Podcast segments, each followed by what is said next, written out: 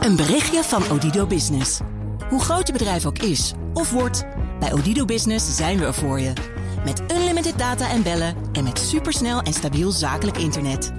Ook via glasvezel. Ontdek wat er allemaal kan op odido.nl/slash business. Het kan ook zo. Een goedemorgen van het FD. Ik ben Roger Cohen en dit is donderdag 16 februari.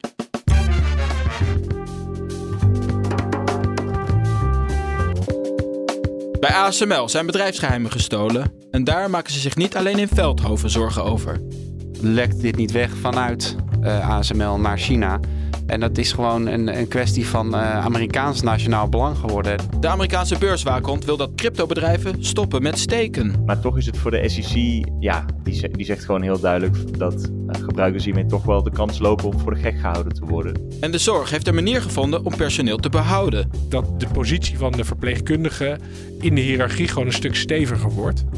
En dat vinden ze prettiger werken over het algemeen. Dit is de dagkoers van het FD. Een oud-medewerker van chipmachinefabrikant ASML heeft bedrijfsgeheimen gestolen en is daarop betrapt. Saillant detail: de werknemer was werkzaam in China. Onderzoeksjournalist Johan Leupen las het voorval terug in het jaarverslag van ASML. Ja, er was een hele spannende passage inderdaad. Dat ging over diefstal van een uh, voormalige uh, inmiddels medewerker in China. Die uh, bedrijfsgeheimen heeft gestolen en ASML heeft zelfs de, de autoriteiten, de Amerikaanse autoriteiten en de Nederlandse moeten informeren daarover. Dus dat geeft wel aan dat het behoorlijk ernstig was.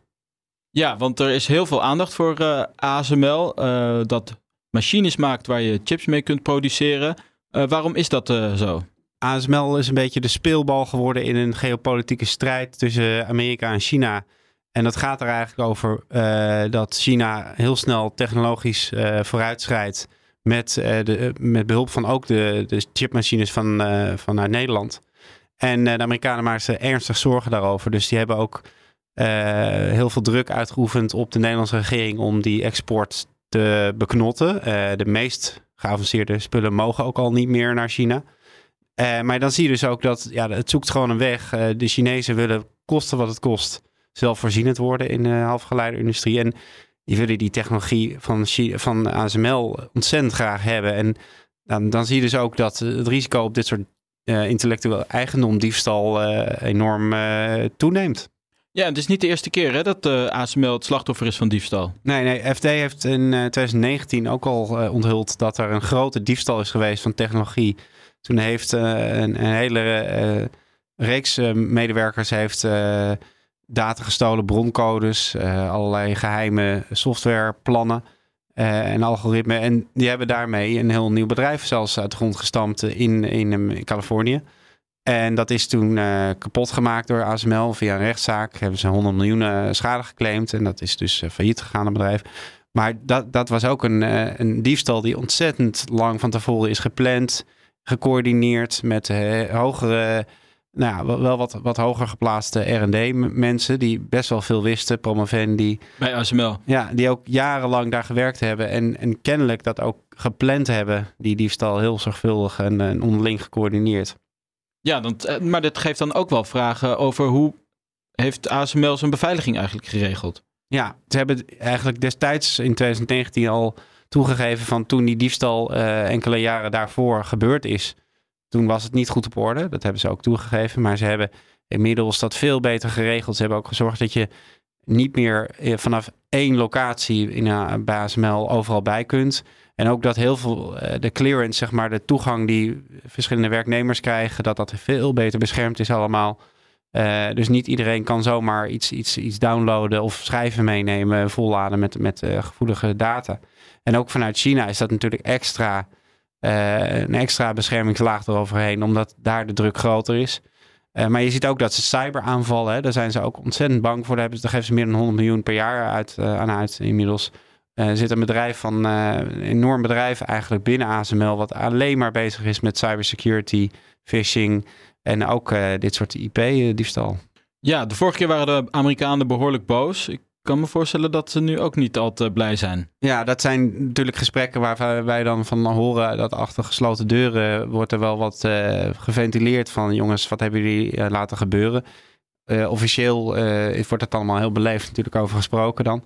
Maar het is wel zo, we hebben toen ook wel gemerkt dat de Amerikanen maken zich erg zorgen over lekt dit niet weg vanuit ASML naar China.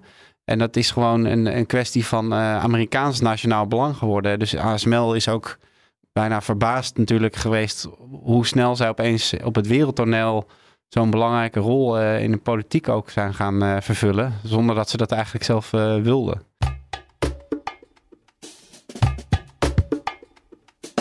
De Amerikaanse toezichthouder SEC trekt een belangrijke grens voor de vrijwel ongereguleerde cryptomarkt.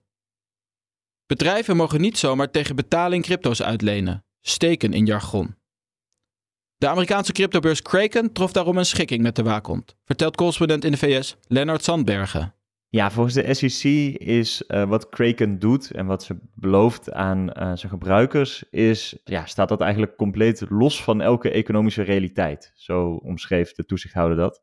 En daarbij ging het dan vooral om uh, de enorme vergoeding die gebruikers eigenlijk werd beloofd als zij zouden mee, meedoen aan dit steken.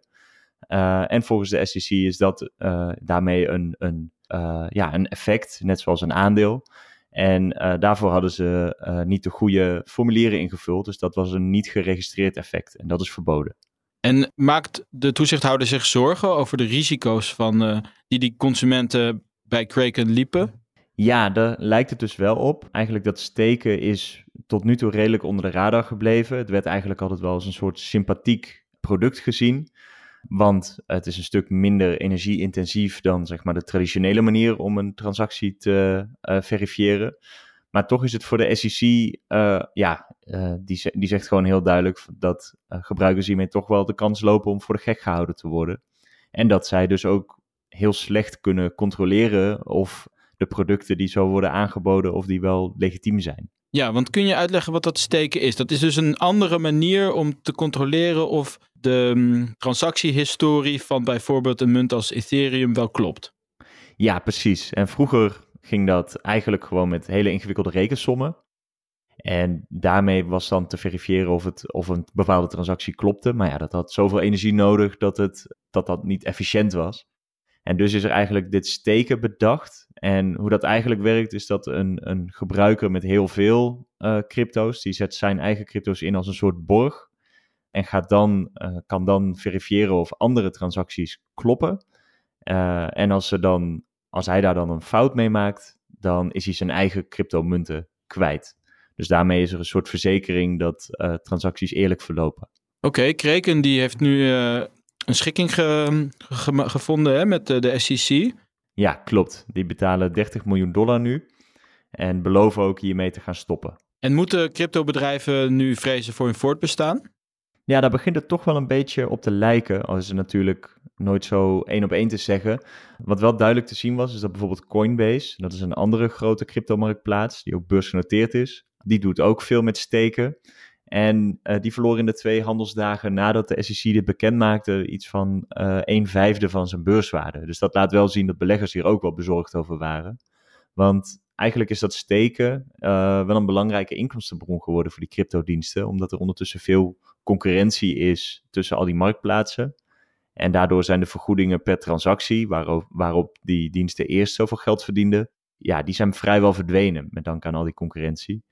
En uh, ja, dan is dit eigenlijk een belangrijke overgebleven inkomstenbron. En als die wegvalt, dan krijgen dit soort diensten toch wel moeilijk. De SEC grijpt nu echt in. Maar kun je niet zeggen dat uh, de toezichthouder hiermee die cryptohandel ook eigenlijk ja, legitimeert? Je zou het ook gewoon een ongereguleerde handel kunnen laten voor beleggers die daar op eigen risico uh, instappen. Ja, klopt. Dat is eigenlijk altijd wel een beetje de discussie geweest binnen toezichthouders. Eigenlijk uh, heb je een school die zegt van, nou ja, uh, hou het als een soort wilde westen. Want als wij onze handen ervan afhouden, dan, ja, dan zijn daarmee de gebruikers ook gewoon gewaarschuwd.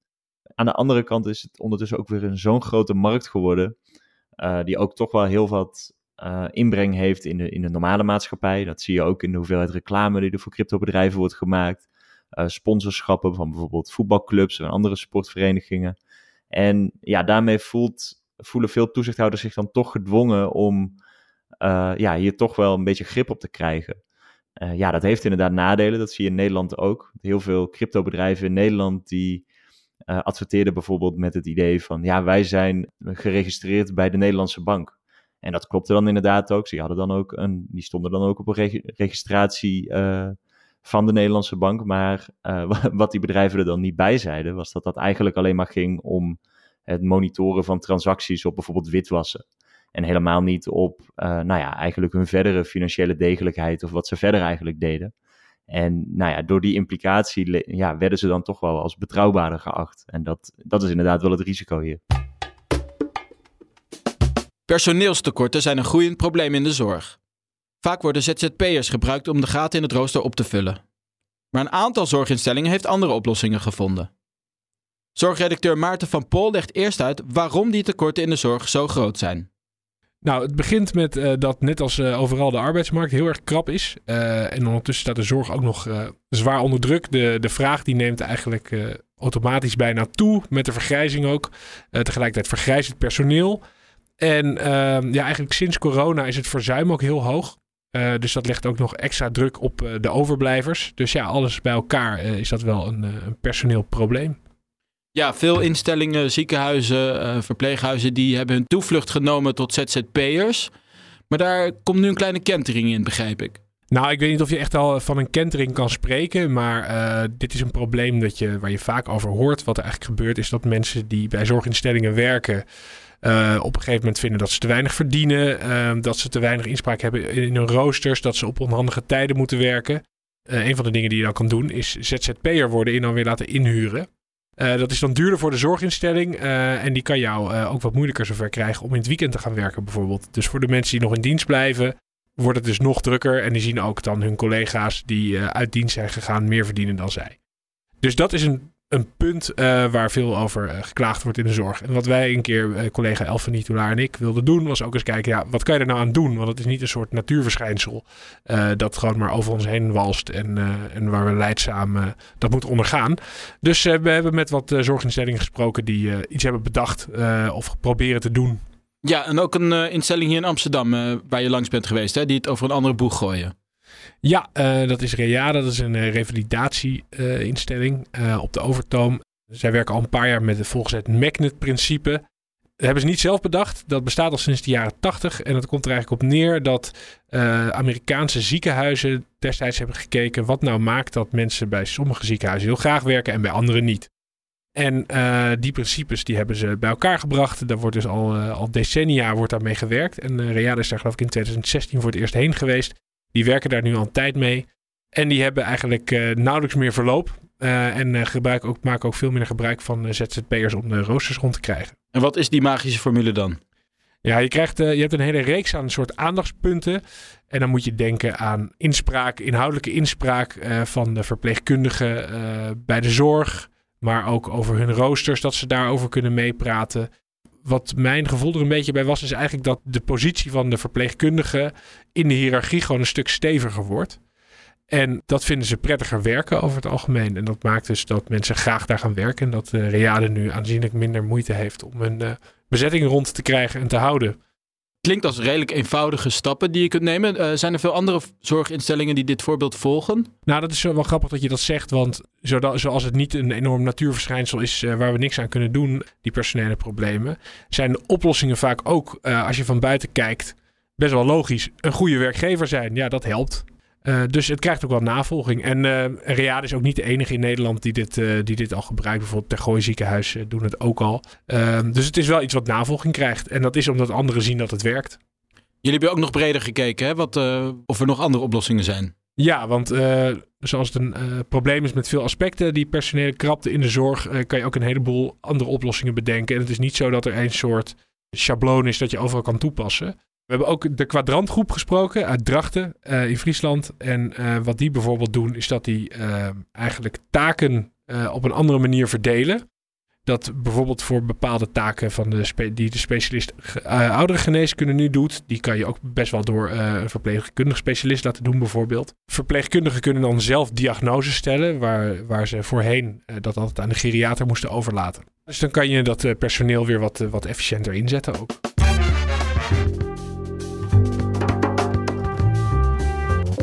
Dit was de dagkoers van het FD. Morgenochtend zijn we er weer met een nieuwe aflevering. Abonneer je vooral op dagkoers, dan krijg je die automatisch binnen. Het laatste financieel-economisch nieuws vind je op fd.nl of in de app. Nog een hele fijne dag en graag tot morgen.